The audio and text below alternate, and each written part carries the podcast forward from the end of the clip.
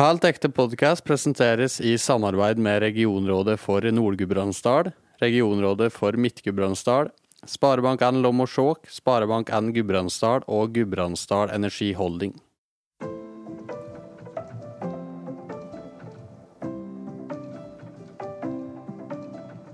Folk prater om ideer og den type ting. Jeg, ikke veldig, jeg mener ikke at ideer har noe særlig verdi, egentlig. Veldig mange er veldig opptatt av at de har en eller annen god idé, men det er måtte, den som greier å videreforedle ideen til at det blir til noe, det er jo der verdiskapinga oppstår. da. Du hører på Alt ekte med inspirerende gudbrandsdøler. I denne podkasten skal vi prate med gudbrandsdøler som har våga å gå egne veier, fulgt sin lidenskap og vært framgangsrike på sine områder.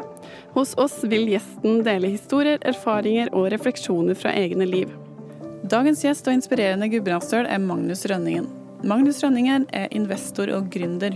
43-åringen fra Otta har en innholdsrik karriere, fra journalist i Dagbladet til festfikser i LA og PR-rådgiver for Petter Stordalen, for å nevne noe. Han foretrekker å leve i nuet og liker at ting er litt ekstremt. Han bor aldri lenger enn fem år på en plass, og syns verden ses best fra hesteryggen. Han mener at Gudbrandsdalen er unik, og skal nå sammen med medieinvestorer gjøre Vågå til Norges Cermat. Eh, Magnus Rønningen, velkommen til Helt ekte. Takk. Hvordan har du det om dagen? Jo, bra. Hektisk. Eller, det hørtes sånn jævla klisjé ut. Jeg er egentlig lei av folk som er hektiske. Jeg har det helt rar, slappet av. Alt er bra. det er godt å høre. Du er jo kjent for å være en mann med mye trøkk og begeistring. Eh, hva er det som gir deg energi om dagen? Du Ja, nei, si det. Altså Jeg har et par ting, bra ting som skjer oppe i Vågå, som, som, blir kjent etter kort. Så det bare glad for å liksom få det på plass.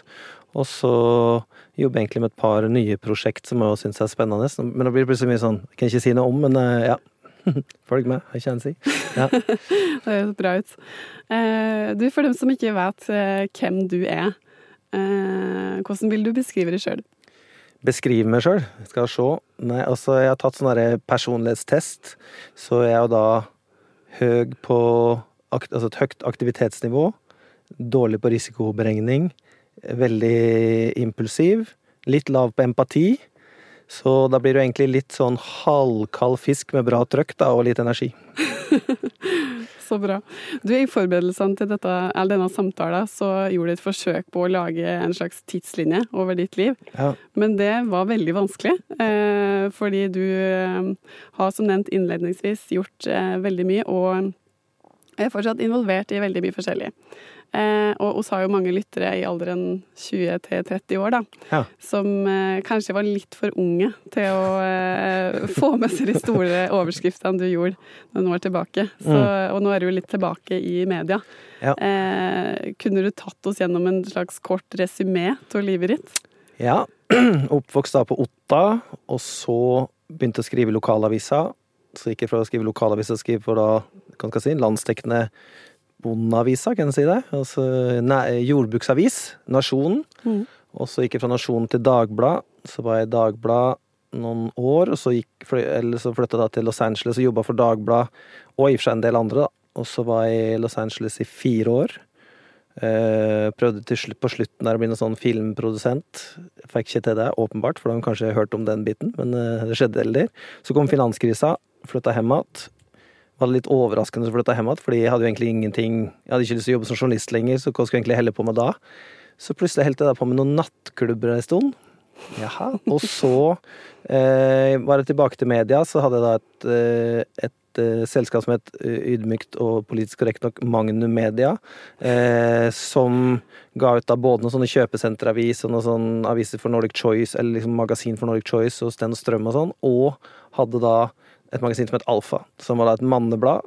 Som egentlig da prøvde å være en sånn type moderne play, playboy. Så liksom litt lettkledde damer miksa med litt sånn dyptpløyende journalistikk. Drog til Afghanistan med norske styrkene. Lå noen saker derfra som ble liksom jævla mye styr, og jævla mye sånn debatter med forsvarsministeren. Tror jeg fire debatter med forsvarsministeren på fire, to dager, et eller annet sjekk.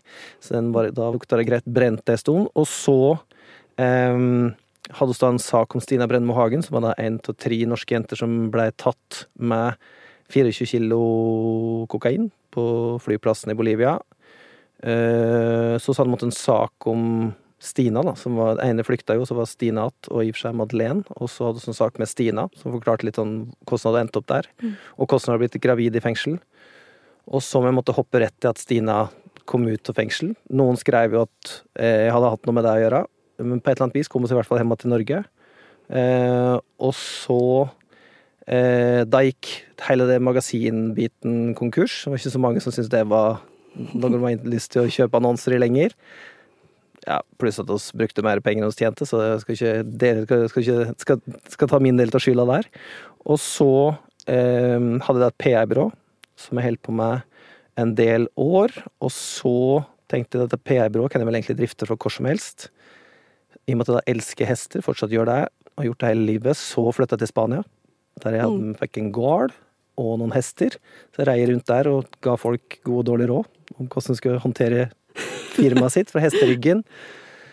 Så ble jeg da sammen med en jente som jeg har vært sammen med i Los Angeles. Så heldigvis hadde hun utvikla oss i riktig, eller riktig retning, kan vi ikke diskutere, men i lik retning i hvert fall. Så blei vi sammen. Eh, Fridde i november, gifta oss i februar. Flytta hit. Eller flytta først til, til Spania, og så samtidig så var Petter Stordalen en kunde til PR-byrået. Så da kom det ut en sånn uautorisert biografi om han, og så tenkte oss hmm, kanskje ikke akkurat den boka folk har lyst til å ha til Petter Stordalen. Det er ikke business-biten de er så interessert i, det er mer liksom hva skal jeg si, filosofien, inspirasjon, trøkket, et eller annet slik. Så da skrev vi oss en bok som, eller Jonas, da, som var en journalist for meg i da, dette Alfa, som da jobba i Dagens Næringsliv, men han slutta der for å skrive boka. Og så solgte jo den altså hundretusenvis i Norge og Sverige og i og en del andre land. Det vel solgt i noen sånn sju-åtte land nå. Så jeg gikk det bra. Så tenkte jeg er det så lett å gi ut bøk? Så det må vi gjøre mer til. Så jeg ga oss etter bok med Synnøve Skarbø, så solgte den noe jævla bra. Så jeg tenkte at vi var geni, jeg og Jonas. Så ga oss ut en haug med bøk som ikke solgte en puck. Og så hadde vi signert Gunhild Stordalen, Petter Northug og en del andre profilerte. Og så sa Petter Stordalen heldigvis, for ingen andre hadde lyst til å jobbe med oss, så sa han jeg har lyst til å være med. Og så betalte han da overpris for å være med. Men sa han i og med at jeg betalte overpris, så må dere faen meg overlevere òg. Så da gjorde vi research tre måneder, og så kom vi måtte ut av startblokka som en Formel 1-bil, og signerte Jørn Lire Horst, som er en av Norges forfatter, og Unni Lindell, Tom Egeland, ja, list goes on. Eh, nevner Vetle Larsen, hvis ikke blir forbanna. Eh, en haug med forfattere. Starta i Sverige, starta i Danmark. Eh, og så kom koronaen, eh, som jo blei utfordrende for alle. Da kom det en del bud på forlaget, og det førtes det vel egentlig da som vi var på litt utrygg grunn. Så etter litt fram og tilbake så blei jo det Det var flere som var interessert, da. Så så hadde vel en tre-fire eh, store internasjonale forlag som var interessert i å kjøpe, og så solgte vi til slutt til Bonnier, som er da Nord-Europas største forlagsgruppering. Eh, som betalte bra for noe som var helt unikt, håper jeg, syns jeg. Og så eh, Da var jeg jo plutselig litt sånn Hadde dekning på kontoen, så da var det på tide å springe igjen. så starta noe som heter Karnov eh, Karnov Group Norway, som er da et juridisk forlag, digitalt, som ligger inne på toppen av Lovdata. Så der har vi nå 550 advokater som skriver for oss. Eh, og så har vi oss en børsnotert eh, svensk partner som heter Karnov Group, så derfor heter det også Karnov Group Norway. Ja. Men også er fortsatt største eier. Um, og så kjøpte vi opp i Vågå, som vi sikkert skal prate litt med, i og med at det er en podkast for Gudbrandsdalen. Ja. Uh, så starta vi et e-læringsselskap som heter Fiddle, og starta ja, starta en haug med selskap. Vinselskap, vinimport, ja, og litt forskjellig. Og en del ting som ikke er lansert enda, så jo da. Så hu hei hvor det går. Du har nok å drive med, skjønner jeg. Ja, det har jeg faktisk. Det er, business er jo Jeg tenkte kanskje det ikke var så vanskelig helt egentlig lykkes, så nå tenker jeg egentlig at det er litt vanskelig. Når du har så mange ting, så er det står opp hver morgen, så er det støtt et eller annet fuckings problem som skal løses. Så før så var det liksom kanskje et problem i uka, nå er det liksom tre-fire om dagen. Så, men slik er det. I høyeste grad sjølforskyldt skal prate litt mer om eh, flere av de tingene du har nevnt nå eh, senere i samtale. Ja. Eh, du starta med å fortelle at du er fra Otta. Ja. Eh, og du tilbrakte jo dine første 19 år der. Ja. Eh, hvordan var det å vokse opp der? Det var helt Altså, du vet ikke om noe annet, så det var noe helt topp, det, liksom. Eh, eh, jeg tenkte på det her om dagen. Det var kanskje i går, faktisk. Så jeg var ute og kjørte bil jævla lenge med en kompis av meg, og så, så kom jeg liksom på når jeg vokste opp, så var det liksom Min eneste forhold til business var at mutter og fatter'n hadde en venn som heter Bjørn, som jobba i Multiconsult. Eh, og da tenkte jeg bare sånn Fy faen, han er liksom Tenk å jobbe i et sånt stort nasjonalt selskap, liksom. Så jeg spurte han ut veldig mye om aksjer og den type Ja. ting. Så du kan vel si han var vel ikke kanskje eksponert mest for verden oppe i Otta der. Jeg satt vel på et fly første gangen jeg var 16. Gudene vet at det var mye, mye fly etterpå, da, men eh, ja, late bloomer, får en kanskje si. Ja, Da. ja, ja. Så, men Otta var jo supert. Du hadde liksom ikke noe eh, ja, kan skal si, det var jo eh, trygt og godt. Mm. Det er vel kanskje det jeg prøver å Jeg har to unger sjøl nå, så det er vel det jeg prøver Mm. å få til at, det, at du ikke skal tenke at det fins noe skummelt der ute. Og det tenkte en i høyeste grad ikke når jeg var på Otta. Jeg var mest redd for at det var en sånn lokal fyllik som jeg ikke visste om. Så var det en lokal kriminell, og så var vi alltid livredde når det var epleslang, liksom. Det var vel Ja. måte det var, det var det skumle pota. Ja, Ja. det er i boble. Det er en si. Ja, Akkurat som Norge er det, da, i og for seg. Men ja ja. boble i bobla. Boble, i bobla.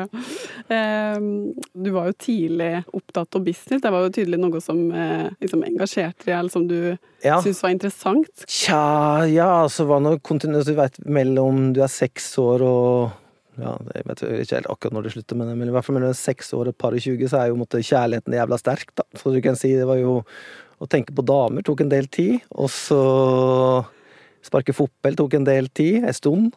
Og så tok vel egentlig business, på en måte, men egentlig da journalistikk, da. Mm. Så det har kanskje vært en blanding til å være journalist og liksom aspirerende forretningsmann med høgst varierende hell, er vel kanskje liksom Men eh, ja, jeg begynte liksom i sjette klasse, husker jeg, å liksom kjøpe og selge antikviteter og mynter, og så jeg var vel på jakt etter et eller annet business, og så begynte jeg jo faktisk med journalistikk, fordi jeg hørte hvor mye min kompis som hadde fått betalt for å dekke Otta Cup, så ja, så jeg var vel kanskje litt monetært motivert først, jeg òg, da. Så det var pengene som liksom dro det inn mot journalistikken, egentlig. Ja, altså her måtte jeg jeg er god til å skrive, da, hvis jeg måtte skal si Jeg er god til å fortelle en historie, vi kan sikkert diskutere det, men i hvert fall skriftlig, så er det.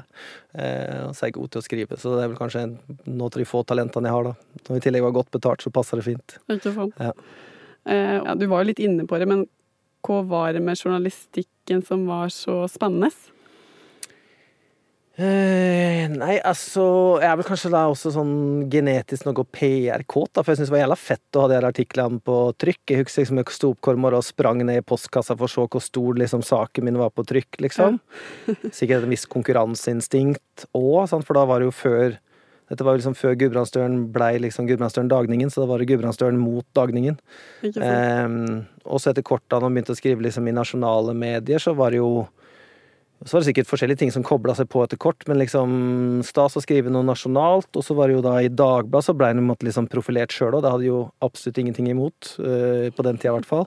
Um, ja, så var det sikkert mange, mange ting som var samla opp igjen. Og så var det jo en måte en eller annen sånn Jeg husker jeg tenkte på et eller annet tidspunkt det var liksom en fin unnskyldning til å bli kjent med og få lært veldig mye, da. Som journalist så er du i stor grad potet, liksom. Eh, og så får jeg jo litt innsikt i hvordan, hva skal jeg si, i hvert fall hvordan media blir til, da.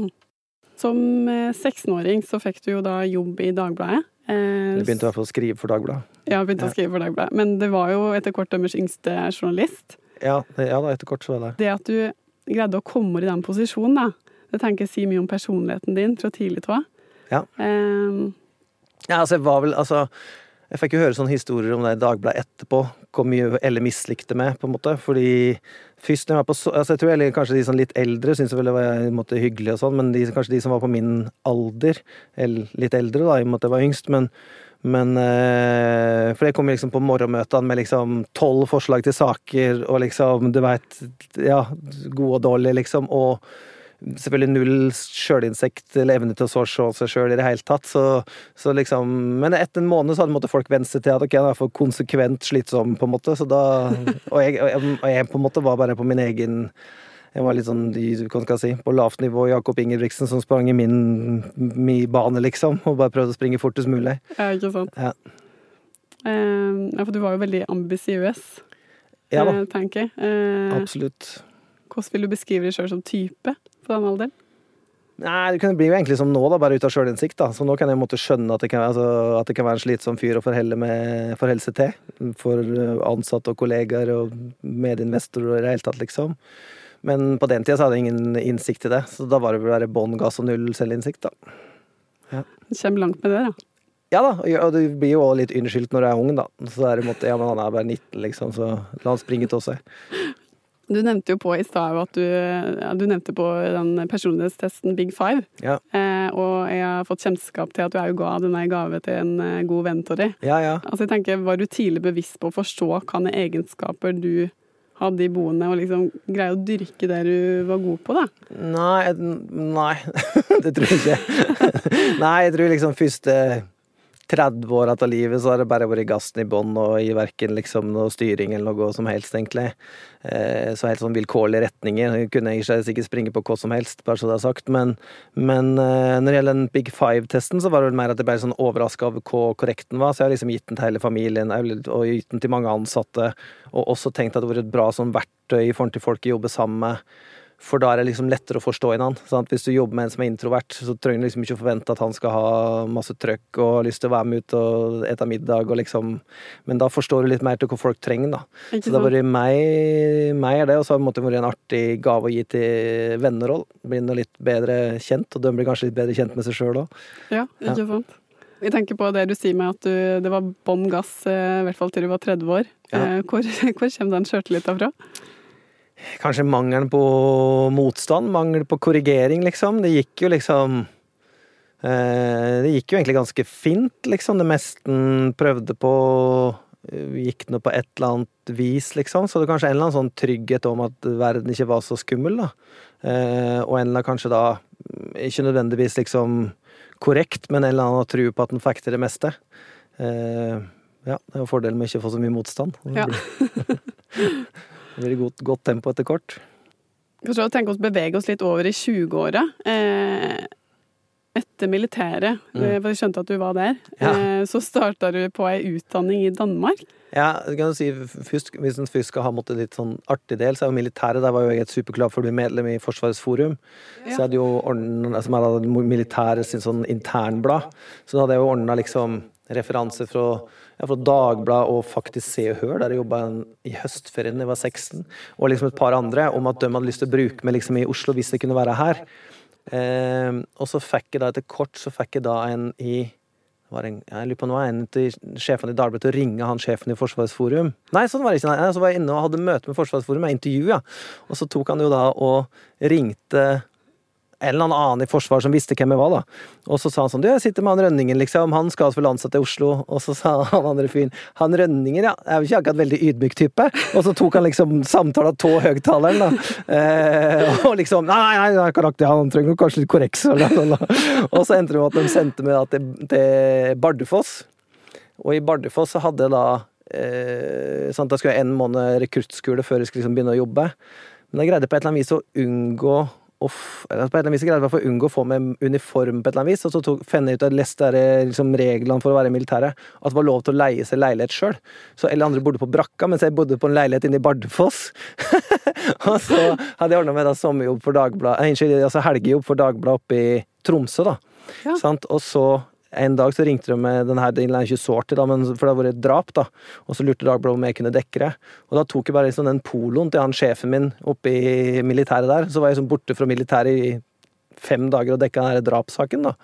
Og så når jeg kom tilbake, så fikk jeg liksom beskjed om at nå var jeg ferdig, eh, ferdig i Forsvaret, da. Så det var en måte min karriere. Jeg holdt vel da i nøyaktig to måneder eller sånn. Så du, du var et journalist eh, lell om du var i militæret. Ja, jeg var egentlig der jeg skulle være i militæret òg, da, men ikke for Dagbladet. Jeg skulle Nei, være på for for Forsvarets forum. Artig historie. Ja. Ja. Jo, og men så dro jeg til Danmark. På et eller annet nachspiel i byen her, eh, så leste da, eller møtte en fyr som var kaospilot. Og så tenkte jeg bare jøss, det hørtes så jævla gøyalt ut, liksom. Både kaos og pilot. Det hørtes topp ut. og så på nachspiel Ja, så ble mellom med liksom han og en gjeng der på nachspiel, og så leste vi da litt opp på det kaospilot, og så søkte liksom dagen etter eller annet sånt. Og jeg trodde det var sånn super Eller altså, ikke for deg, jeg kjenner veldig mange flinke kaospiloter, men eh, jeg trodde Hvor kanskje en kaospilot. Nei, altså, det er en type prosjektlederutdanning, kanskje. Okay, ja. Så Eh, ja, det er mange flinke kaospiloter som jobber rundt i byen her og gjør forskjellige ting. Men der òg var jeg måtte et herdt år, og så ble jeg kjent med da han som heter Hummel, som er da altså danske sportsmerket. Og så skulle de akkurat starte Hummel som sånn retro fashion-beat, liksom. Så da fikk jeg agenturet på Hummel, da. Og så, ja, så slutta jeg der etter seks måneder. Og så begynte jeg på BI, men der begynte vel egentlig Elder. Og så var det vel egentlig tilbake i Dagbladet. Eller jeg hadde vel Hummel-greiene i to år, så jeg husker liksom på et tidspunkt der så hadde liksom ja, det tror jeg. Ja, det, gikk jo veldig bra. Gikk jo bra helt til det ikke, ikke, gikk så bra, liksom. Så hadde, jeg husker jeg hadde liksom Kaizers Orkestra, og, og de var store, da. Eh, og alle mm. alle i Hummel der en stund. Ja. ja. Hvorfor eh, tenkte foreldrene dine da om det valget? Nei, jeg tror dem tenkte at det var helt perfekt. Uh, og jeg må si sånn Det halve året jeg var i Danmark, det er vel ingenting jeg har lært meg mer av kanskje enn akkurat det. Eh, Sjøl om det liksom vært mange, ja, har mange ting som har skjedd i livet. Men det er liksom første gang jeg egentlig var sånn, en plass der mutter og fatter'n ikke kunne sette seg i bilen og ordne opp hvis det ble noe trøbbel, liksom. Mm. Så sånn så var det en bra skole, da. Um, og ut av utdanning så greide du da likevel å kapre det jobben som kjendiskorrespondent? West Coast Correspondent, ja. Men det var jo stort sett intervjukjendiser på hotellrom, da. Jeg dekka òg liksom den Hurricane Katrina, så det var liksom noe ordentlig journalistikk iblant, liksom. Ja. Men ja, det var jævla mye kjendiser på hotellrom. Ja, ikke sant. Ja. Men eh, hvordan eh, Fortell om hvordan du fikk til det. Altså, du hadde du en plan? For du presenterte deg vel sjøl som en åpenbar kandidat, gjorde du ikke? Ja, poenget det var en kompis av meg som var korrespondent i LA, og så fikk jeg høre tidlig at da kjæresten hans var gravid, og hun hadde ikke lyst til å flytte til LA. Så jeg ringte han og spurte liksom, er det mulig å helle litt kjeft om det der. Sånn at liksom, når han da var klar for å flytte hjem igjen, så var det jo ingen andre som kunne flytta på liksom ei ukes varsel. Men da hadde jeg ordna med visum og alt sammen, liksom. Så jeg hadde en jævla klar kandidat, da. Så, så sånn var det egentlig at jeg Eller det var, ikke, altså, det var ikke egentlig sånn. Sånn var det at jeg fikk den eh, korrespondentjobben, da. Så ja. Strategisk. En liten touch til Machiavelli der. Ja. ja. Du ble jo eh, raskt kjent som kjendisjeger og festfikser i LA. Eh, og har jo involvert i flere saker som har skapt store overskrifter, som sagt. Eh, Fyllehistorie med Robbie Williams på trykk og ja. var, ikke redd for å prøve å putte meg sjøl i historia. og du hadde jo veldig klare ambisjoner, skjønte jeg. Du ville bli mentor i ja. den prosenten av eliten, liksom. Altså, alle byer i hele verden har liksom tusen stykker, kanskje det er 250 i Oslo, da, men stort sett alle byer så er det liksom 1000 stykker som egentlig bare møtes på kryss og tvers. Så den hadde jeg måte skjønt, da. Eh, og så tenkte vel jeg liksom at dette var en fin man skal si, stepping stone for meg, da. Å være i Dagbladet og så bevege meg videre. Mm. Der skjedde jo eldre, da. Men, eh, men, det var for min plan. Og så var det jo det som var overraskende i LA det var jo at liksom i Norge, hvis du har et møte og sånn, så blir det jo ofte til et eller annet. Altså folk gidder ikke ha møte for å ha møte, folk gidder ikke ha lunsj for å ha lunsj. Men slik var det ikke i LA. Folk var jævla happy bare med å ha lunsj hvis noen gadd å betale for den, liksom. Så det var øh, veldig mye jobb som elde førte noen som helst plass, liksom. Så det var òg i og for seg en lærerik øvelse. Mm. Slik jeg skjønte det, så hadde du liksom sett et mål om å bli kjent med fire konkrete personer. Ja, I hvert fall det som, to, tror jeg. Ja. ikke, to siste, da. Men, eh, ja. I hvert fall en av de personene ja. eh, var amerikanske journalist Neil Strauss. Og han bekrefta jo dette her når han sa at det at mange prøver å bygge nettverk i LA, men du nådde toppen. Så du har jo sagt at du ikke liker så godt networking, men hvordan greier du da å være så genuin i tilnærminga til folk når du er så klar på hva du ønsker å oppnå, da? Ja, Eh, vel, altså I LA så var jeg jævlig opptatt av networking, da, men det er jo en måte jævla sånn klein Altså Eller du møter som egentlig prater om at de har sånn stort nettverk og sånn, det er ofte ikke de mest sjarmerende folkene, liksom. Så jeg syns jo det er hyggelig hvis folk sier at de har et stort nettverk, enn at de skal si det sjøl, men, men eh, eh, måten å lykkes med å få et nettverk, er jo måte, at den, mange tror en skal få nettverk ved å tenke på seg sjøl, men det handler jo egentlig litt om å finne ut hva den andre personen skal få ut til å kjenne det. Eh, så det er egentlig litt sånn Ja. Det er jo ja, veldig mange folk som har lyst til å ta kontakt for å finne på ting, men jeg måtte hvis du ikke har tenkt gjennom og dette er ofte tra, altså, hvis, hvis, det ikke måtte en vanlig folk i gata, på et eller annet vis, så er det jo ofte trave folk, da. Og da bør de liksom et eller annet det bør være et eller annet de skal få ut til å kjenne det, egentlig. Som jo høres litt kvalmt ut, men eh, ja, det bør en nesten tenke på, da. hvorfor var det viktig for deg da å bli kjent med de folka? Hva, hva du ønska Nei, den var litt mer uklar, da, men Neil Strauss hadde jo skrevet en bok som heter Dirt. Som er da boka om Motley Crew. Jeg er ikke sikkert så mange i 20-årene i Gudbrandsdalen som vet hvem det er, men det var liksom et sånn legendarisk rockeband, og en legendarisk bok om den. Kanskje verdens beste rockebiografi. Eh, og så syns jeg han var en jævla god journalist. Han skrev jo for Rolling Stone og sånn, så det var vel det som var liksom motivasjonen der. Eh, Robbie Williams tror jeg også var på den der lista, så det var vel egentlig bare et ønske å bli kjent med en kjendis, vil jeg ta faen. Jeg vet ikke så mye annet å få ut av det, egentlig, men eh, det var vel litt sånn networking uten noe særlig mening, da. Men du lykkes jo med det, da. Ja da, jo da, absolutt. Så, Så jeg tenker det er jo noe med det som person da, som gjør at du eh, ja, altså det var jo det sånn i, i Dagbladet så var det jo når det ble sommervikar i Dagbladet, så var det jo en Da var det måte sånn sommervikarkurs, og da var det en som heter Jon Olav Egeland, som sa det finnes to typer journalister. De som får tak i folk, og de som ikke får tak i folk. Eh, og det er klart, i hvert fall steg én mot å bli kjent med noen som helst, det er måtte å få tak i dem. Og så er jo steg to å ha et eller annet vettugt å si, da.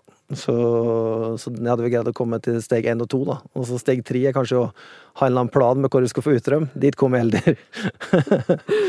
Du har jo sagt at du kan få tak i hvem du vil innen 24 timer i tilfelle du er på ferie. Ja, det er nok sant. Så eh, hvis du skulle ha tak i Obama i dag, liksom, hvordan eh, ville du gått fram da? Jeg ville vel ringt Tor Erik Hermansen i Stargate, for kona hans tror jeg kjenner Michelle. Så jeg er i hvert fall ganske tett på. Det er ikke mange ledd mellom, altså. Nei. Nei. Eh, ikke for deg. jeg tror ikke at hun hadde sagt Michelle ring, kunne få Obama til å ringe Magnus, men, men eh, ja, hvis, jeg, hvis det var et annet viktig en skulle oppnå, f.eks. Obama hadde fått per fredspris, så skulle han greid å få tak i den med to telefoner, ja. Ikke sant? Eh, Du, Petter Stordalen, han var jo den første i hvert fall Du har sagt at han var den første som kom ned og besøkte deg i LA. Ja. Eh, jeg tenker litt tilbake til det vi akkurat pratet om. Hva er det du sjøl tenker gjør at du har så draget på folk, da? Ja Nei, altså jeg tror bare da jeg var ung, så tror jeg bare folk syntes det var sjarmerende med trøkket. Og så var det trøkket kombinert med at jeg faktisk jobba i Dagbladet. Så da var det litt sånn OK, han er nå en journalist, han måtte en viss verdi for folk. Og så i tillegg er han litt sånn ung med noe jævla trøkk. Den er litt artig. Så kanskje mer som en, mer som en karakter enn en, eh, Ja, altså, han er vel Altså, jeg tror jeg er en bra venn å ha. Enten du er Petter Stordalen eller Brage Welding, liksom. Ja. Ja. Eh, Mediehuset Kampanje gjorde et intervju med deg tilbake i 2010. Eh, der du uttalte at jeg har stor sjøltillit, jeg har en helvetes drive, og jeg er ekstremt pragmatisk. Alt jeg bryr meg om, er resultatet. Og det sa du om dine styrker som journalist, redaktør og privatperson. Ja. Eh, du har sagt at du kanskje blir avvist flere ganger, eller du har fått ja. Eh, hvor kommer den driven til å fortsette? Hvor kommer den ifra? Ja, nei, altså det er vel en eller annen Det er vel en eller annen eh, Det er vel en eller annen viss erfaring med at hvis en ikke gir seg, så lykkes en.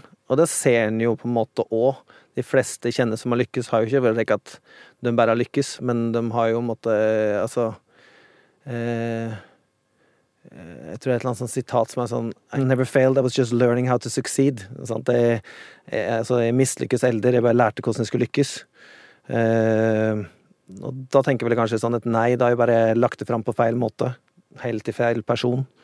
Så jeg tenker vel kanskje i en viss grad fortsatt, liksom. At hvis det er nei, så fint For ja, erfaringa er jo det, og ja, av og til, sjelden selvfølgelig, er det noen som har lyst til å få tak i meg, eller av og til er det jeg som er døråpneren til andre, og da merker en jo med en gang hva som gjør at folk lykkes, og av og til så kommer de med tilbake med, med nye vinkler som er sånn ja, men faen, med den vinkelen der så kan nå liksom sette av tid, liksom.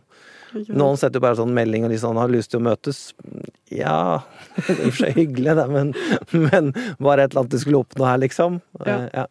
Men de gangene du sjøl har på en måte fått et nei, da, hva, eh, hva gjør du da for å eh, liksom Brush off. Ja, liksom endre fokus og komme deg tilbake? Ja, nei, altså min erfaring er jo bare at jeg prøver på nytt. Men Ja. du må jo helst, altså det dummeste er jo å måtte prøve på nytt med samme inngangsmetode, så du må jo prøve å finne på en ny vei inn, da. Ja, Ikke sant? Det var litt artig. Jeg syns det var litt artig eh, sitat. Jeg om du tenker akkurat på samme måte fortsatt. Ja, nei, det må si at altså, 2010-kampanjen, da kan det jo bli litt lett kvalm, for det var mye rart i det intervjuet der, men kanskje hadde ikke sånn betalingsinnlogging, så det har jeg ikke fått med deg alt, men, men, eh, men eh, jeg tenker vel at den fortsatt er sånn rimelig eh, korrekt. Ja. Eh, forutenom elleville fester og kjendisjakt, på hvilken måte forma LAD? det? Og hva er det viktigste dere lærte dere? viktigste jeg lærte, var jo at uh, verden der ute er jo ikke så er ikke noe skummel, på en måte. Uh, og det er ikke noe vanskelig egentlig å få det til enn i Norge.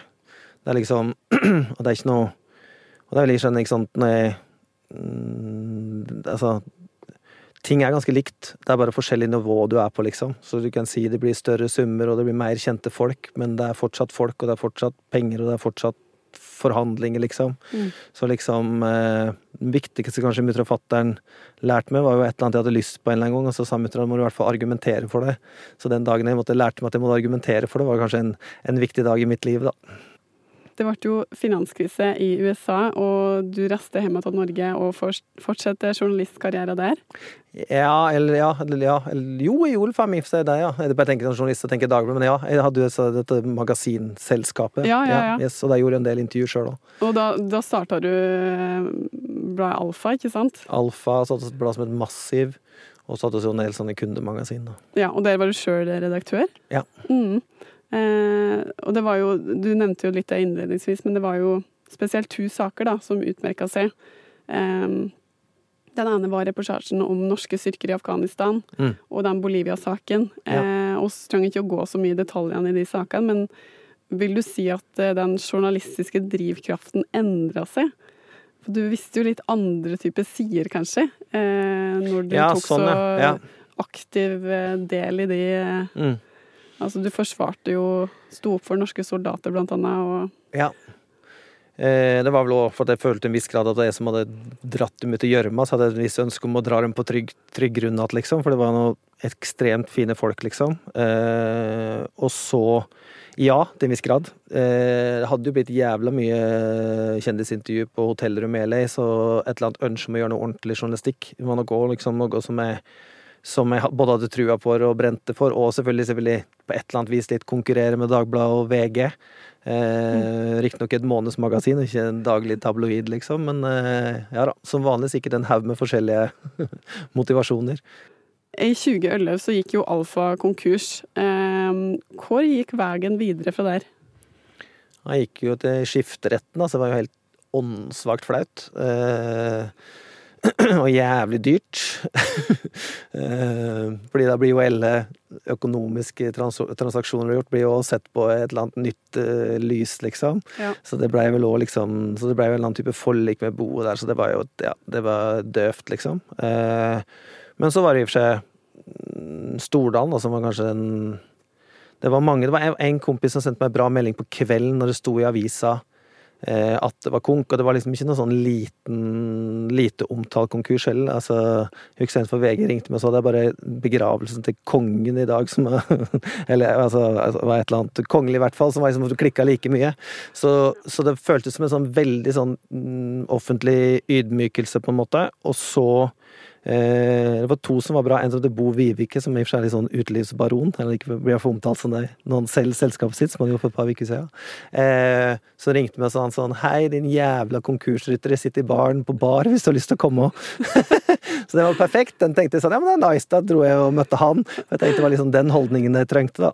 Og den andre var Petter Stordalen som sa 'kom hjem til meg, nå må vi rydde opp her', liksom. Og rydde opp var jo da egentlig at han sa 'ok, her har du liksom vært på vei mot uh, konkurs, du har sikkert lånt noen penger', så liksom Han gjorde opp alle tingene han skyldte. Uh, og han sa òg liksom uh, Du må bare vise folk at du er liksom tilbake på beina. Det kunne være Du kan gå rundt og sutre og synes synd på deg sjøl, liksom, men du bør jo være på beina i morgen. Du kan fortsette den PR-biten, liksom. Spring videre med det. Mm. Uh, og så ble han både en kunde og han lånte meg en jævla dyr klukke som han sa jeg kunne levere tilbake om et år når jeg hadde blitt en suksess. Så det kan jo diskutere om jeg ble en suksess, da, men jeg hadde i hvert fall råd til egen klukke året etterpå. Hvor viktig var det at han eh, stilte opp for det akkurat da? Det er jævla viktig, egentlig. Og, og det er vel i og for seg en ting Jeg har jo gjerne lyst til å være den personen for andre folk sjøl.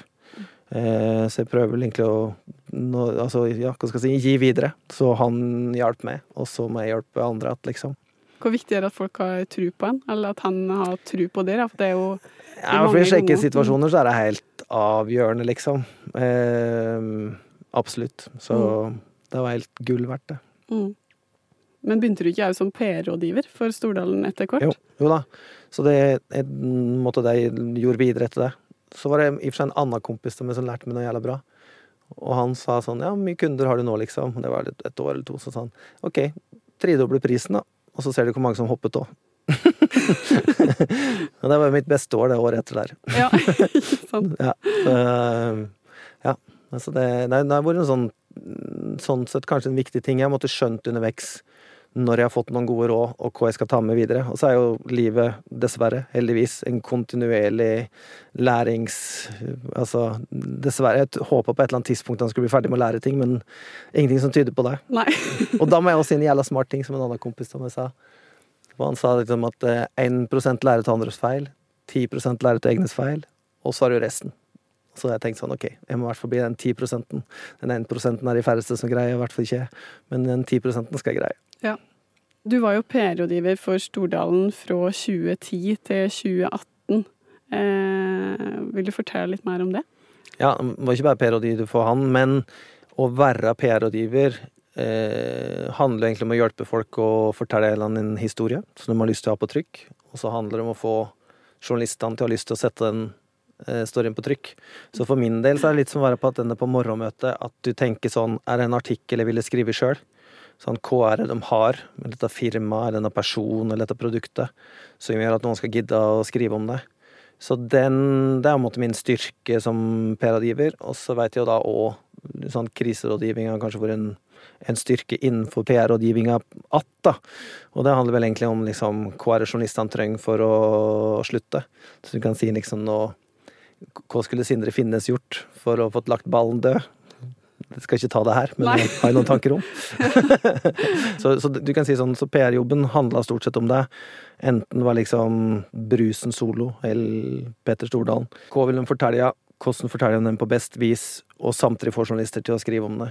Så det er jo det jeg kan, fordi jeg har vært journalist. Og så var det jeg gjorde som PR-rådgiver. Og litt sånn fordelen med da å være journalist, det er jo, det er jo ikke så mange PR-rådgivere som en god del, altså, bare så mm. sagt, men uh, som kommer fra avissida. Du hører på Helt ekte, og dette er Ti kjappe. Stå opp tidlig eller legge deg sent? Legge meg sent. Dersom du ikke bodde i Norge, hvilket land ville du bodd i da? Hvis jeg bodde aleine, tja, Marokko eller noe slikt. Eh, med familien, Italia. En ting du ikke kan leve ut av? Fuckings telefon, da. Den er jo limt fast i hånda, liksom. Ja. Fors eller nach? Fors. Komfortabelt eller pent kledd? Komfortabelt. Mandag eller fredag? Fredag. Individualist eller lagspiller? Er en individualist som prøver å være lagspiller. Vin eller øl? Vin. Kanskje litt åpenbar. Masse vin. Alltid 20 minutter for tidlig ute eller 10 minutter for sent? Alltid 20 minutter for tidlig ute. Favorittplass i Gudbrandsdalen? Vågå!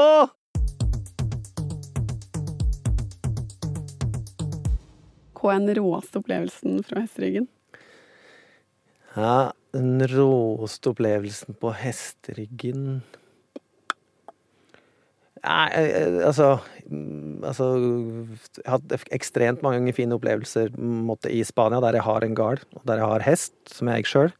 Eh, men kanskje Jeg, altså, jeg fridde til kona i Eller da ble jeg jo forloveden på det tidspunktet, men nå, nå kona. Eh, I India. Så da fridde jeg og så var også rei ei uke gjennom Rajasthan i India. Eh, så det var konge, for da rei en liksom fra slott til slott og gjennom alt mulig. Altså dyr og landsbyer og alt sammen. Sammen sånn eh, indisk sønn til en eller annen liksom, indisk general. Eh, ja, så det var liksom omtrent like eventyrlig som du trodde at det skulle være, da. Så, så det var liksom Det var en stor opplevelse vært og spilt polo en del plasser og vært artig når jeg ikke har ramla av.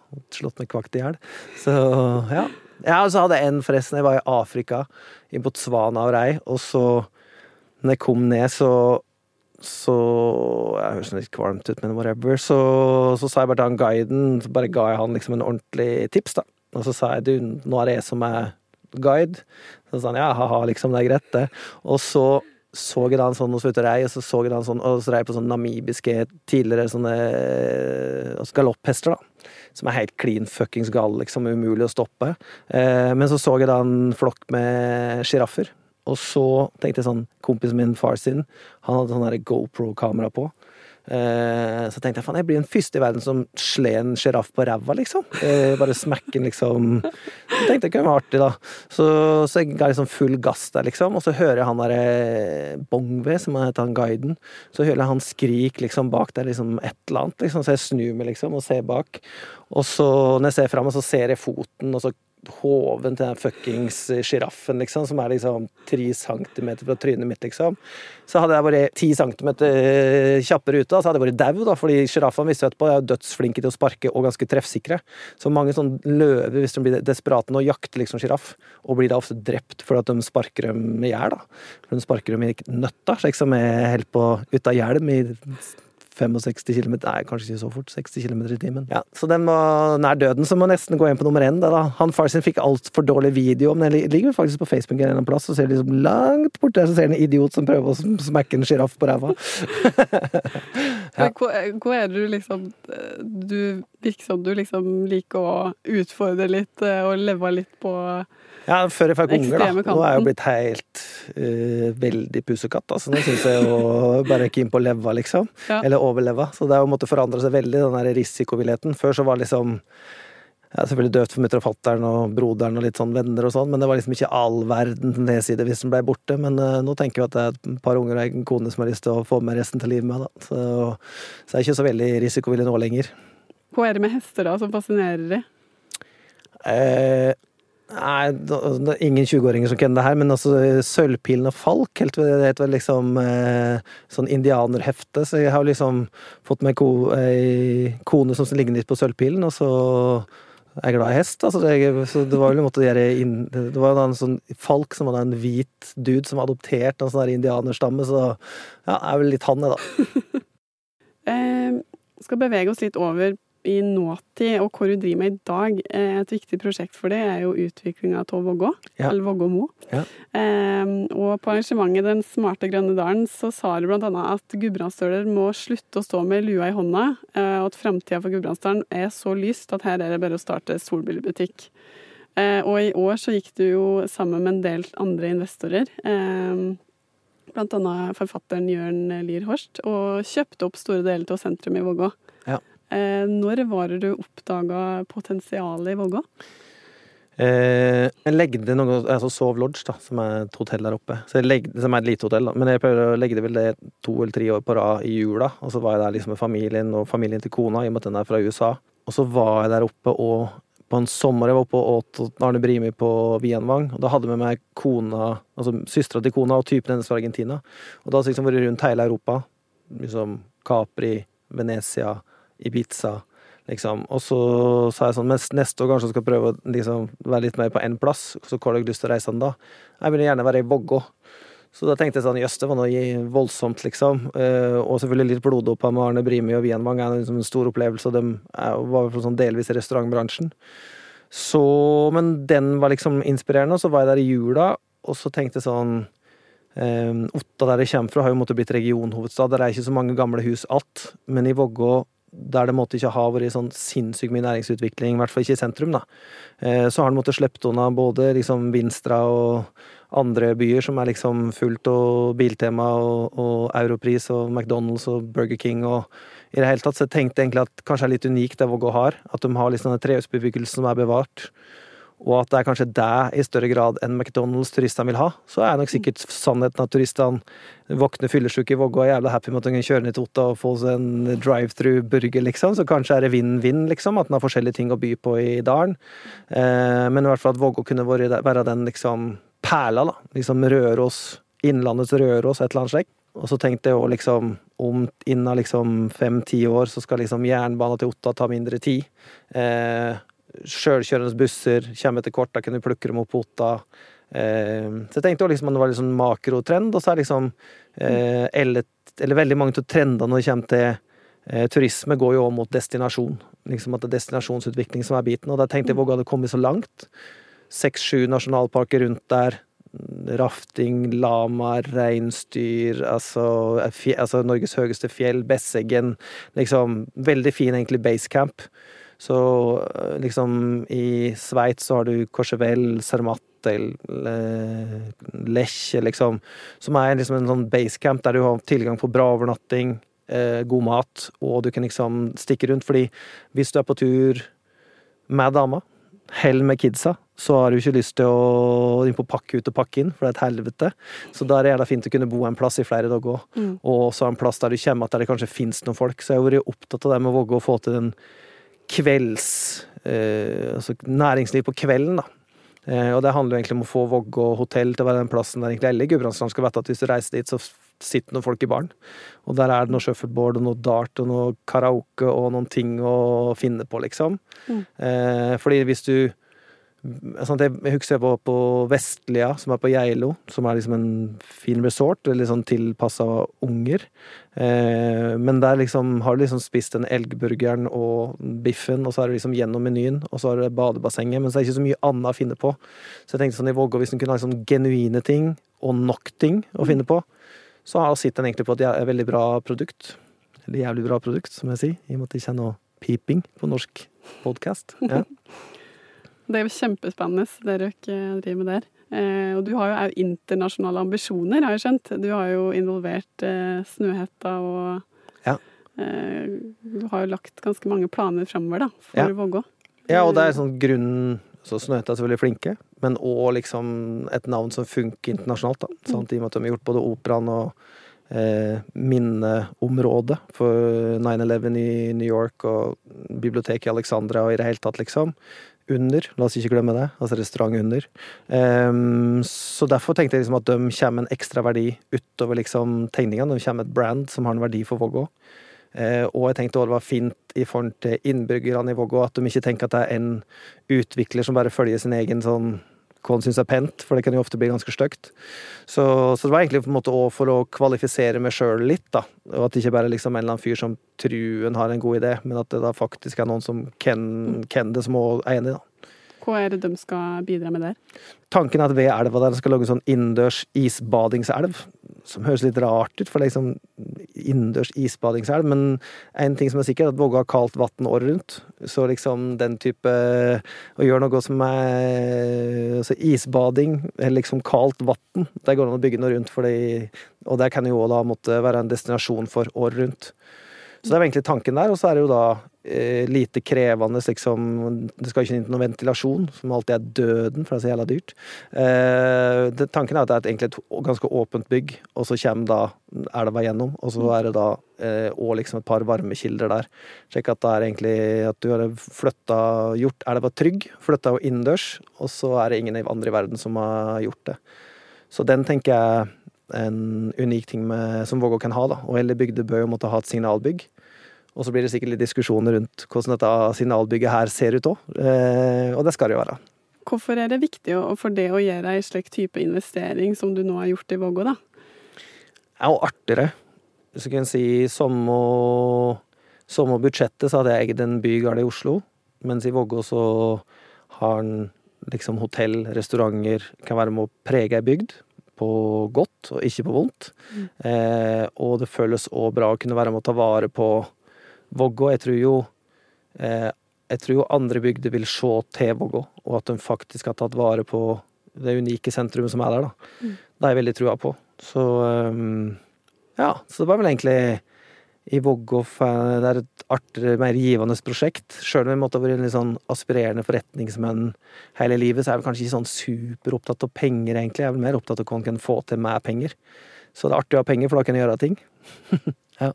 Eh, du går litt sånn tilbake til røttene, da, tenker jeg. Det, du har jo vært i Oslo i mange år, og er jo i utlandet. Ja, Så eh, hvordan absolutt. kjennes det å liksom kunne investere litt i Du er jo ikke fra Vågå opprinnelig, men du har jo liksom nå Jeg er ikke fra Vågå, men nå Men- kommer jeg fra Vågå. Nei da. Men, men, eh, men Nei, det føles superbra. Kult. Ja, artig å være med og ja, få til ting, liksom. Og så er det jo unik bygd, liksom. Med, det blir jo mer og mer kjent med både liksom veldig flinke og liksom interessante folkene som bor der. Og så har jeg opplevd en sånn veldig stor positivitet. Det er, sant, det er selvfølgelig noen som har vært kritiske òg, og derfor ofte veldig mye fokus. Men fasiten er jo at liksom 97 av alle tilbakemeldinger jeg har fått, er jo at folk er både syns det er spennende og er positiv, og bruker tilbudene, som er viktig, liksom. Altså, når jeg tok over Vågå hotell, så hadde det blitt 22 dile- belegg, og nå tror jeg vi passerer 80% belegg i oktober, liksom. Det Så, så, så det er liksom Det er noe takknemlig for, men det viser jo liksom at det fungerer. Og da kan jeg òg måtte si hvorfor at på et eller annet tidspunkt i livet, som er ca. når jeg flytta til Spania, så tenkte jeg liksom at jeg ikke skulle gjøre noe mer At jeg ikke skulle ha noe mer oppmerksomhet rundt meg. Men så det er jo det jeg ser at liksom For å selge Vågå, så må jeg vel egentlig ut, og selge meg sjøl litt som en del av pakka. Og så ser han at det funker. Fordi liksom hver gang en har gjort det podkast eller, eller noe annet, så tar folk kontakt. Firma som har lyst til å legge noe til Vågå. Folk som har lyst til å være med og samarbeide med det. Folk som har lyst til å investere. Folk som lurer på hvordan skal han få flytta til Vågå. Så eh, ja, jeg tenker liksom at eh, ja, da får en eh, en tørrlagt PR-kåt hoppa inn i manesjen, da. Du har jo fått med deg mye store navn òg som har investert der. Det er jo Ja. kjempekult. Her skal det bli, si. Spennende. Jeg tenkte på litt det du sa med at du at du, eh, du, du har sagt det tidligere, at du ikke kommer ikke fra Otta. Du kom fra Otta. Nå Ja. sa du at du Nå kjenner du fra eller Kom fra Våga? Kom fra Otta, nå kommer fra Vågå. Ja, nei, det var jo en eh, Det er vel en ting i livet jeg ønsker å ha utsagt, akkurat den der eh, sitatet der. Jeg er ikke helt sikker på hva jeg mente, men jeg mente vel et eller annet at jeg hadde blitt en type verdensborger, et eller annet sånt, og så ble det jo en måte som tatt som en eller annen sånn at jeg tråkka på Otta på et eller annet vis, da. Og det er jo ikke bra. Så, så det var en uheldig og jeg hadde faktisk, det var faktisk det var en som heter Knut Olav Åmås, som er sjef for Fritt Ord, og som har vært i Vågå fire ganger siden sommeren. Ja. Men eh, så han sa jo det, jeg, jeg kommer ikke fra Odda, tror jeg han kommer fra. Kommer ikke fra Odda, jeg kom fra Odda. Så syntes jeg det var artig, og så tok jeg det og sa det sommer, jeg kommer ikke fra Odda, jeg kom fra Odda. Og det er vel, ja, den eh, Jeg tror mutter'n var sjukmeldt fra jobben i tre uker eller et eller annet sånt, liksom. Det var den, det var ingen, den, da, da vaktna bygda syntes at dette var ugrei oppførsel, som jeg i og for seg kan ha en viss forståelse for, liksom. Så jeg kommer defin, def, definitivt fra Otta. Ja. Eh, og så håper jeg at jeg kan si at jeg kommer litt fra Vågå nå. ja, ikke sant. Er liksom Otta fortsatt hjemme for det? Det blir liksom Vågå liksom det Jeg, jeg må innrømme at jeg har liksom ikke noe hjemme Jeg har ikke noe hjemme lenger. Det kan jo sikkert litt med mutter'n og fatter'n har flytta til Lillehammer òg, da. Men så måtte kanskje hvis du hadde hatt en til barndomsheimen, så vært der, liksom. Men, men eh, Nei, altså kanskje det nærmeste hjemme er vel kanskje garn i Spania, liksom. Mm. Fordi det var noe jeg måtte logge til en viss grad sjøl òg. Det er artig at du prater ottaver. Ja, og det er jo Altså, etter at jeg begynte med Vågå, så har jeg vært så mye i Vågå. Så nå er det nesten vanskelig å prate bokmål. Fordi nå er det liksom akkurat som liksom barndommen eller de første 19 årene til livet har kobla seg på. Ja. Fordi eh, dere prater jo fortsatt dialekt, og det, ja, det gjør vel egentlig ikke jeg, da, men når jeg møter folk fra dalen. Men når jeg jobba i Dagbladet, så prøvde jeg desperat å legge til med det. Jeg skulle bare liksom banke gjennom og si sånn Ja, hvor har du hatt ferien din i år, for eksempel? Og så er det sånn Her ferierte norske kjendiser. Typisk sak, liksom. Um, og så tok det jo liksom dobbelt så lang tid for meg som alle andre. Bare Hæ, hvor er dialekta fra? Kjenner du Arne Brimi og Event Per Gynt-prisen og på Vinstra, der prater de om slik, og liksom Altså, skjønner du? Så det tok bare så jævlig lang tid. Så derfor liksom tok praktiske hensyn. Ja. Så jeg prøvde liksom å komme over Men nå føler jeg bare at det er knotete, altså. Ja. Slik er det. Du, du har jo flere jern i ilden, som du prata om eh, i starten her, eh, i tillegg til satsinga i Vågå. Mm. Eh, og du har jo jobba tett med Jonas Forsang og Petter Stordalen i mange år. Ja. Eh, Og Jens Lie Hagen. Siste Yes. årene. Yeah. Yes.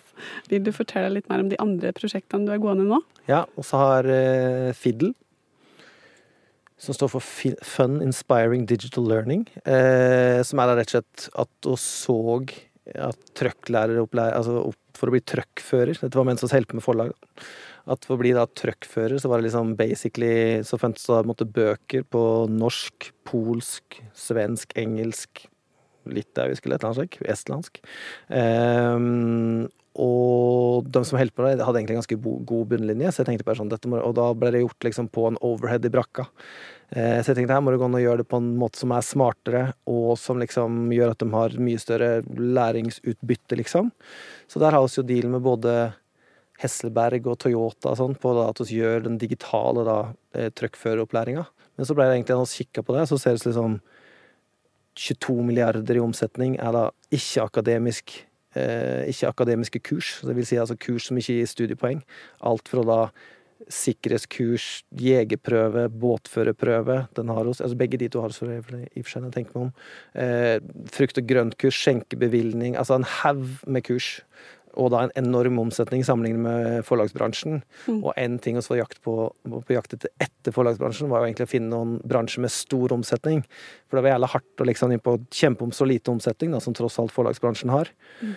Og så har vi eh, Belmonte Beverage Group, som er et vinimportselskap. Um, og der har vi jo ansatt liksom et stjernelag fra bransjen.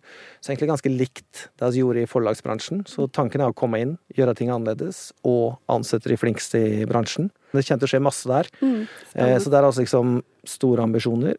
Um, så har jeg for øvrig en ting som jeg trenger hjelp til. Så har hun kjøpt Ragsteindalen høyfjellsstue. Så hvis det er noen som har lyst til å bli driver til ei høyfjellsstue, så den blitt pussa opp nå og er klar til åpning i påska. Så hvis noen som drømmer om å bo nesten inne i Hallingskarvet nasjonalpark, eller hva det heter for noe, med villrein og rype på alle kanter, så er jeg på jakt etter drivere. Eh, gjerne noen som kan noe randonee eller et eller annet. Og du kan da drive kun fra påska til oktober, men gjerne på vinteren òg hvis du vil. Mange baller i lufta, med andre ord. Ja. Er det du som kommer opp med de ideene eh, her? Ja, ofte har vi måttet partnerskap med Jonas blitt liksom forklart som at det springer som en sånn rypebikkje og liksom driver opp liksom fuglen foran, og så står han og bestemmer hvem som er tjukk og god nok til å bli skutt ned, da. Eh, så er jo ikke støtta funka, for guds skyld. Altså, det er jo ikke slik at en treffer på ti til ti, liksom. Men, eh, men det er nok ofte liksom eh, at ideene på et eller annet vis kommer fra meg, og så det en måte positiv eller en av de mange gode egenskaper med Jonas og i og for seg Petter, da, i og med at mange av selskapene har så sammen med han, er jo at de liksom kvalifiserer ideen. da. Er det verdt å gå videre med, liksom. Mm. Så ja, jeg er liksom den ivrige bikkja, og så er de de litt mer eh, nøysomme jegerne. Mm. Ja. Men når du skal liksom finne, eh, som gründer, da, skal Mm. finne på en måte hva skal jeg si, smutthull i markedet, som Ja. du tenker er interessant, her kan jeg gjøre business, liksom. Ja. Hva er det du, hva er er det du tenker på da, eller hva du ser etter da? jeg er på jakt etter liksom bransjer som er store nok til at det er noe måte, jeg si, omsetning å kjempe om. Og så er jeg på jakt etter bransjer som ikke er måtte, tech, sant, å konkurrere med Uber, altså Amazon og så der er måte de smarteste folkene i verden, liksom. Så jeg er egentlig litt på jakt etter bransjer der som ikke er blitt liksom Som ikke er for Som ikke er for krev, krevende, egentlig, på et eller annet vis. Da. Du kan si sånn eh, Det jeg tenkte med vinbransjen, er sånn en relasjonsbransje, da. Liksom at her, liksom, ved å være god på relasjoner, så har du liksom et konkurransefortrinn. Og så er vi jo god på å rekruttere folk. Så liksom, og det er jeg måtte bevise med de som er ansatt allerede. Og kanskje kjenne noen flere òg, hvem veit. Eh, det er jo liksom å greie å hente de flinkeste folkene. Så hvis du måtte ha funnet et spennende marked som ikke er liksom konkurrerer med Uber og liksom skal ha tak i de flinkeste folkene i verden, liksom, men kanskje folk som har andre talent, eh, og som har stor nok omsetning, eh, ja, da, jo, da begynner det å nærme seg et eller annet, og så er det opp til Jonas og, og Petter å finne fram hagla eller rypa, liksom. Eller unnskyld, hagla eller rifla, mener jeg. Ja, jeg finner rypa, de finner fram hagla. Ja. Bare litt inn mot det vi prater om nå, hva er det du må tenke på som gründer i dag? Ja, det har forandra seg veldig, da. For ett og et halvt år siden så var det jo Da var det jo en måte marked for en god idé. En litt laust anslag på markedet. eh, Og kanskje òg liksom en liten to-tre år der du skulle jakte på at bunnlinja skulle komme. Mm. Nå bør du ha en jævla kort runway. Du bør ha en jævla kort vei til at eh, bunnlinja skal komme. Mm. Og du skal ha gjort en ordentlig god eh, Du skal ha veldig du skal nesten ha sikra deg de første kundene som sørger for at du, at du måtte levere bunnlinje med en gang. Så fordi at finansieringskosten på alt har gått opp så voldsomt. Sant? Når renta er 6,25 eller hva det er for noe, sikkert innen det her er på lufta, så er den 6,50, liksom. Som er liksom, eh, som er liksom grunnrenta. Eh, og det er klart, da blir plutselig finansieringskosten en helt annen. Så det er liksom ikke sånn Det var liksom en periode der for to år siden til for ett år siden, der det var nesten, nesten leikepenger i markedet, samtidig som liksom hele utlandet kom til Norge, eh, som kunne liksom følge liksom multiplene innen forskjellige bransjer, men som beveget seg nordover Europa, liksom, innom Sverige, og så visste du sånn, ok, seks måneder så kommer liksom, da er det logistikkbygg, eller da er det liksom et eller annet annet studentboliger, eller et eller annet som, som måtte, kommer til å stige noe voldsomt i verdi, da. Eh, og så er det jo den som ble sittende satt, mm, som jo sitter eh, Som er litt, kanskje litt svette nå, da.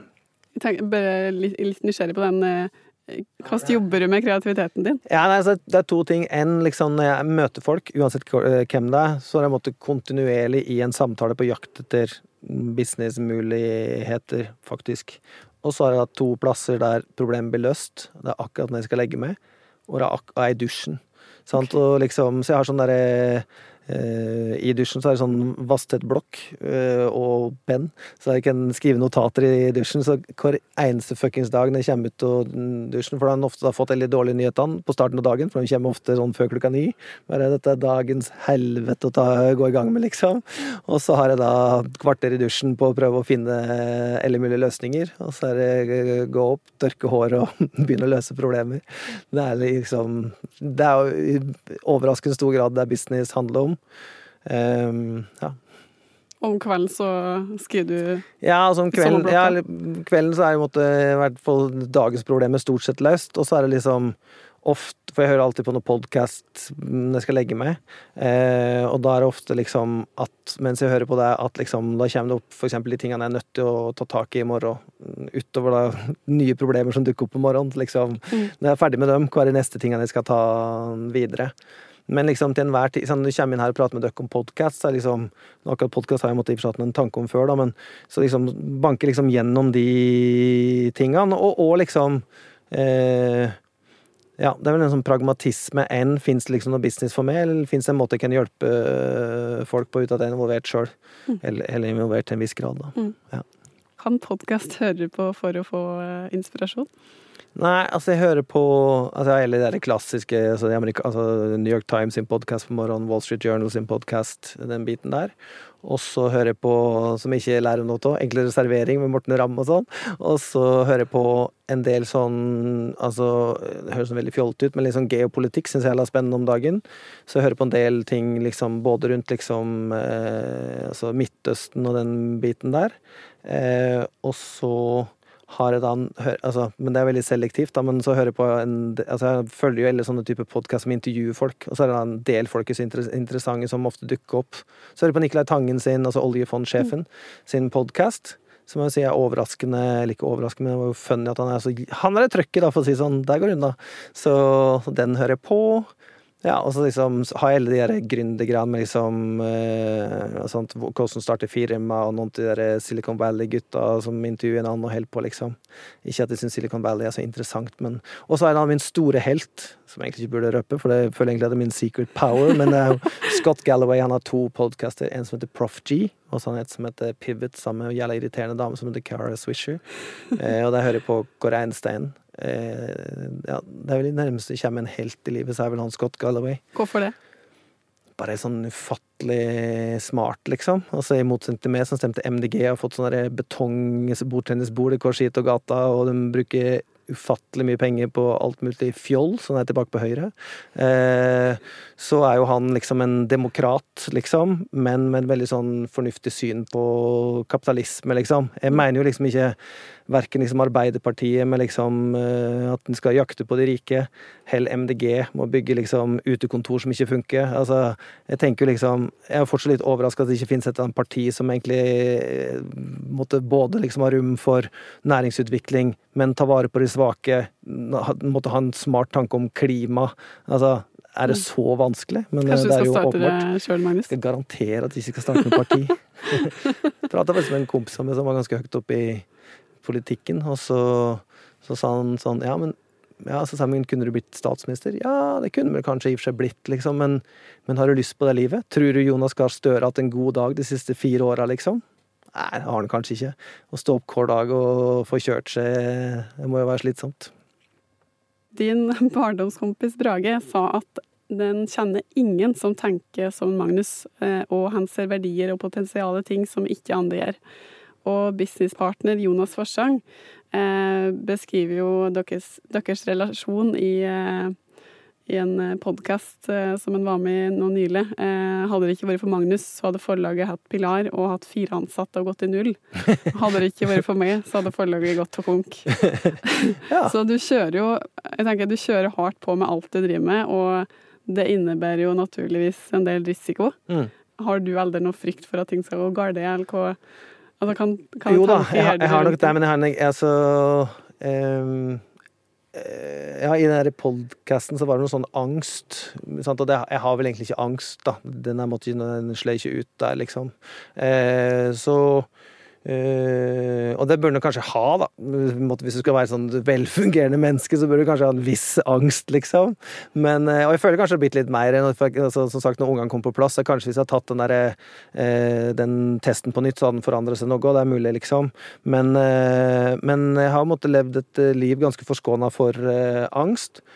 Og så eh, også fått en viss tro på at jeg greier å ordne opp i ting, da.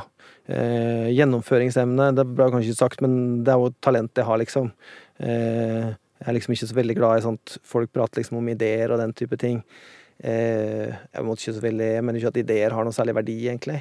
Så det er jo en måte bare den som greier å gjennomføre ideene som Det er der verdien oppstår. Mm. Veldig mange er veldig opptatt av at de har en eller annen god idé, men det er en måte den som greier å videreformidle en, eller videreforedle ideen til at det blir til noe. Det er jo der verdiskapinga oppstår, da. Peder Stordalen, for eksempel. Gærning på gjennomføring. Ikke sant. Ja. Er det der eh, er det, en personlig egenskap du tenker har vært avgjørende for at du har kommet så langt du har kommet i dag? Og på en måte Ja, men det er nesten sånn til da, sånn, nesten til sånn grensa til å være sånn psykotisk eh, på gjennomføringsevne, da. Så en del ting kunne hun kanskje valgt å ikke gjennomføre òg. så, så eh, som alt, liksom. Hvis du måtte ha et talent, så er det ofte liksom en bakside med det Mm. òg, liksom. Og så er det jo da den 10 prosenten. Lære til egne feil. Så jeg måtte den klinge med til, da. Og at det underveis skal slippe å ta at underveis skal ta mindre risiko for at det for, Snart må jeg vel ha prøvd alt, men jeg men, har ikke det, altså. Ja, Hørtes jævlig ekkelt ut, forresten. Så jeg har ikke prøvd alt, ikke i nærheten. Men eh, jeg skjønner at du stort sett tenker jo på business hele dagen. Men eh, hva gjør du for å koble tåra? Du har jo nå etter kort fått eh, to små unge. Ja, ja. Nei, men jeg er jo heldigvis glad i å ri de hestene Nei, de hestene mine, herregud. De ungene mine. Går det muta den på ditt? Nei da. Men, eh, men eh, de er glad i å ri. Og så eh, reiser vi jo en del. Og så er det sånn, hvis vi er på reise, så er jeg veldig sånn til stede i øyeblikket, liksom. Hvordan greier du det? Jeg syns jo verden er en jævla spennende plass. En kunne sikkert tenkt sånn eh, På et eller annet tidspunkt så skulle jeg liksom være sånn første nordmenn inn i en sånn der lite land, et lite autonomt kongedømme i Nepal. da, Så jeg var sponsa til eller greide å overtale norrøna til å gi meg noen klær og noen sko, i hvert fall.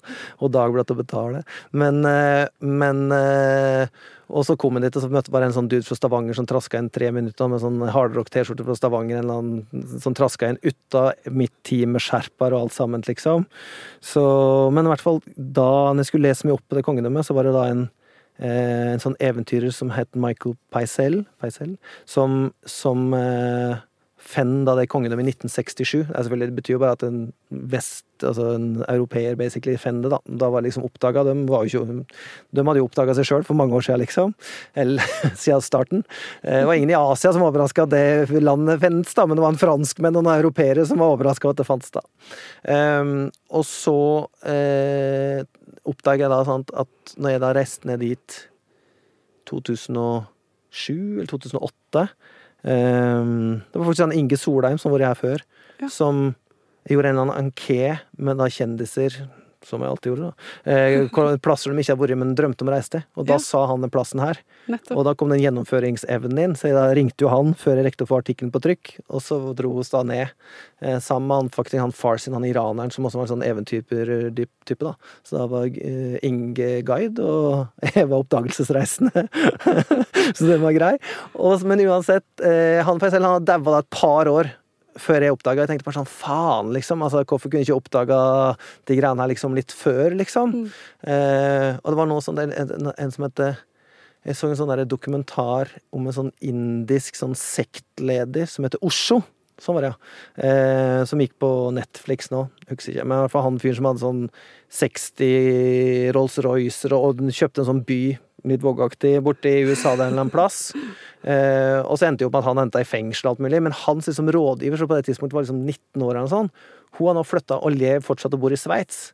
Så der har jeg liksom satt i gang en liten plan for at jeg skal få møtt henne, da. For å liksom bare få liksom hennes story okay. For jeg var nysgjerrig på det, liksom. Så jeg er egentlig på jakt kanskje også etter liksom interessante folk. Og det betyr liksom ikke En gang så var hun da en eller annen skuespiller på et hotellrom, liksom, men det er jo ikke det jeg syns er ikke imot skuespillere på hotellrom, men liksom eh, Jeg syns jo den type liksom ekstreme folk er mer eh, spennende, da. Så det kan òg være sånn du spør liksom to ledd.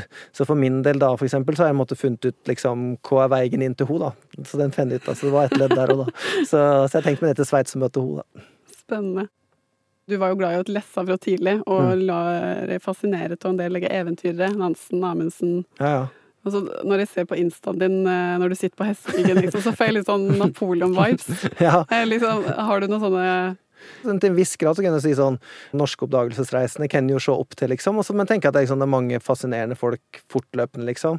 Skulle ønske Elon Musk ikke ble liksom verdens galeste mann, og vi måtte helst se på den rene sti, så hadde jo han vært en fascinerende fyr, liksom. Så ble det ikke slik. Men uh, ja. Du har sagt at verdens beste sjekketriks og verdens beste forretningstriks er å ikke gi opp. ja. Eh, hva er det du er mest stolt av å ha fått til så langt? Eh, nei, jeg er jo mest stolt av den Du kan si den Det som var bra med Strawberry Publishing, da, var det forlaget, var at det var en så jævla bra miks av mine kvaliteter, Petter sine kvaliteter og Jonas sine kvaliteter. Så det er kanskje det som har måtte, litt sånn drivkrafta vår videre, og måtte finne hva det neste prosjektet der oss liksom utfyller hverandre så godt, da. Mm. Um, så jeg tror nok liksom det er jo på en måte min største suksess, liksom. Eller mm, kunne kanskje ikke noen si at den Karnov-biten liksom har potensial til å bli enda større, da. Men, men eh, Så den syns jeg liksom er bra. Og så tenker jeg liksom at eh, liksom Av de tingene jeg holder på med nå, så er det jo selvfølgelig vinselskapet liksom er jo det liksom der det skjer eh, mest. Gir seg sammen med Karno, da. Også, men jeg er jo veldig stolt av den Vågå-biten. Så er kanskje det er liksom den som krysset av alle liksom checks på, på liksom business-sida. Men det er en veldig artig eh, historie å fortelle om, og hvor et givende prosjekt å helle på med, liksom. Og så er det et eller annet med liksom å gjøre ting som er eh, sant? Når du holder på med eiendom, da, som dette til en viss grad handler om, så er det liksom artig å se liksom Når du bygger ting eller pusser opp ting, og se hvordan det blir bedre, liksom. Og nå, da, med nesten full oktober, så, og se at folk kommer, liksom. Så det er nice. Så hva skal en si? Mest stolt businessmessig til forlaget, eventuelt Karnov. Og så er det kanskje mest Vågå som havner på gravstøtta, liksom. Ikke for at jeg tar livet av meg, men for at jeg er stolt og skal ha det der. Ja. Du bor i dag i Oslo med eh, kona di, Chanel, og to barn. Mm. Eh, og du har jo pratet om dette at du aldri eh, er på en plass mer eller fem år. Eller du har i hvert fall en ambisjon om å ikke være det. Hva- Ja, ja. Hvordan eh, ser, eh, ser framtida ut, skulle du si? Hvilke Ja. tanker har du framover? Jeg får se, men eh, jeg tror ikke jeg måtte ha noen bevis altså, Når jeg ser tilbake på det, så var jeg 19 år på Otta. Og så var det fem år i Oslo. Fire-fem år i LA. Fem år i Oslo. Fem år i Spania. Eh, og så nå har jeg vel egentlig vært faktisk fem år her. Mm. Så, så ja, jeg kjenner vel egentlig at det liksom eh, Våg, Nei, ikke ja, Vågå i og for seg, men eh, Oslo, Norge er jo liksom en bra plass å eh, drive med forretning. Det finnes jo ingen plass i verden, kanskje. Det er lettere å holde på med business enn Norge. Mange årsaker til det. Eh, men at det kunne vel kanskje tenkt meg å bo i et annet land igjen, ja. Og òg liksom Hvis ungene mine vokser opp her, så tror jeg liksom jeg kan se for meg sånn cirka åssen livet deres blir. Men hvis de vokser opp mot en plass i Europa, så, så blir de liksom europeere på en helt annen måte. Så liksom vokser de opp her, så blir de nordmenn. Vokser de opp i Europa, så, så sant, La oss si, da, for eksempel Italia, som jeg har tenkt på, da, så, så liksom kan de ikke godt ende opp i Frankrike eller Portugal eller Marokko eller altså Ja, hvor som helst. Hvorfor tenker du at det er en fordel? Tenker at det A blir litt mer utfordrende for dem. Eh, jeg tenker jo at de ikke så mye motstand de ungene mine har møtt. Ikke, noe, ikke at det er noe mål at unger skal møte motstand, men eh, jeg tenker at det er bra. Utfordrende. Må selvfølgelig lære seg noe mer språk og sånn. Og så, eh, og så tenker jeg at eh, det vil òg gi litt tøffere vei, men mye større muligheter. Mm. Mutter og fatter'n kom på andreplass i forhold til å bli lærere for norske oljearbeidere i Qatar da jeg var tolv, eller et eller annet sånt. Og det, mener at det er vel den eneste tingen i livet mitt som jeg tenkte kunne liksom endra liksom hvor jeg hadde endt opp. Fordi alt annet, liksom Om jeg hadde begynt som journalist, eller hadde bodd i Oslo, da kanskje jeg blitt megler eller et eller annet sånt, da, typisk. Eh, så kanskje jeg hadde endt opp sånn mer eller mindre her, liksom. Men eh, hvis jeg hadde tatt de fem årene, som jeg tror det var, i Qatar, hvor hadde jeg vært da? Så det kunne jeg tenkt meg visst. Kanskje ungene mine finner ut av det. For ungene mine så tenker jeg litt tøffere vei. Det er sikkert sunt. Mm. Eh, og jeg er jo sånn helikopter-curling-foreldre og liksom. Det er bare sånn Hæ? Hunter har blitt dytta i barnehagen? Ok, la oss ta en telefon, eller la oss finne ut hva som har skjedd der, liksom. Så ja. Jeg har jo en datter som er kelt opp etter Hunter S. Thompson, som var da Gonzo-journalistikkens far. Så Ja. hun er jo jente, da. Så hun heter Hunter, og mellomnavnet mitt er Smidsang. Så jeg bare Her kan du jo nesten få til samme navnet. Så Hunter S. Thompson. Hunter S. Banerjah, da, som er kona mi sitt navn. da. Ja, ja, ja. Allerede internasjonal, tenker jeg. Ja da, og det er jo fordelen med amerikansk kone, for det er ikke noe sånne tåpelig navn. Så sønnen min heter jo da Jagger, så det er Hunter og Jagger, og så heter kona Chanel. Faktisk har kelt opp etter klesmerket Chanel. Så den er grei. Magnus her funker jo bra i utlandet, så det Det funker dritbra. Altså, Elle som heter Magnus, hvis du skal inn på en nattklubb i utlandet, der det i hvert fall er en prater engelsk, bare gå opp og vis fram det legget, så er det rett forbi køa. Det finnes ikke en dørvakt i verden som ikke syns Magnus er verdens tøffeste navn. Hvorfor det? Verdens sterkeste mann, Magnus Ferr Magnusson. Og de tror det at du heter Magnum, liksom. Så de liksom bare sånn dørvakter bare Å, fy faen, Magnum, liksom! Det er et saklig navn! Mens i Norge er det veldig sånn pusete, sånn kosenavn. Men i utlandet så er, tenker folk at det er sånn viking og ja, ja, ja. også derfor jeg tenker sånn 43 år med sånn langt hår. Det begynner jo sånn med litt sånn høl i hyssingen og hestehale, liksom. Men altså, jeg var i, i Herres og Kelte med Tarzan, viking eller vikingo, liksom. Uh, og så kom jeg inn, jeg er medlem i sånn her jaktgruppe, liksom, der, eller altså en gjeng med folk som jakter. Eh, kom inn liksom i restauranten etter å ha klippet håret, hadde liksom kort hår. Faen meg ingen som kjente meg igjen, liksom. Så nå blir det faen meg langt hår helt til jeg skal, da. Så du beholder langhåret inntil videre? Flopp, flopp. Ja, så bra. Litt tilbake til det intervjuet i kampanje. Eh, Så stor at Magnus sin tese er at det meste man gjør i livet, gjøres primært for å skaffe seg en partner, eller sekundært for å imponere mor og far. Er det slik fremdeles?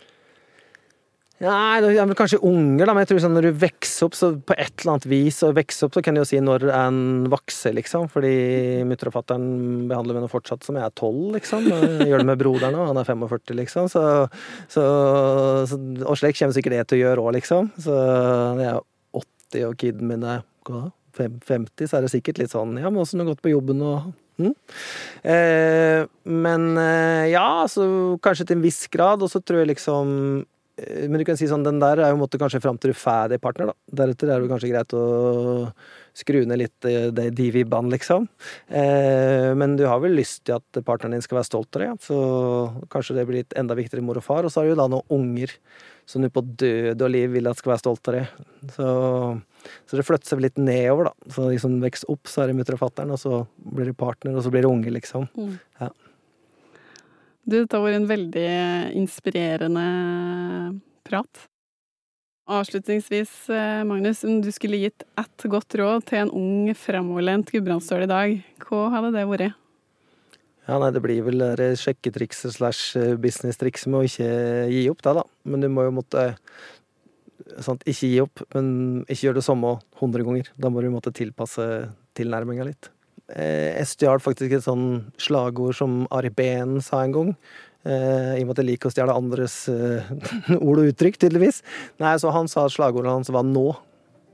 Hm, Syntes egentlig det var ganske bra, så jeg trenger vel ikke å late som det er mitt slagord, men eh, liksom ære være hans minne. Men den en kan i hvert fall ta med seg for Ari at eh, nå, det er bra. Det er ikke noe vits å vente med ting. Takk for at du kom mot talte. Jo, takk for invitasjonen. Jeg heter Synne Rønn Sætre, og du har hørt på Helt ekte med inspirerende gudbrandsstøler. Podkasten var spilt inn på Nitro Sounds i Oslo. Teknisk produsent er Simen Ingebrigtsen. Musikken er komponert av Skyworks, og prosjektleder i Helt ekte er Sivert Rønn Sætre.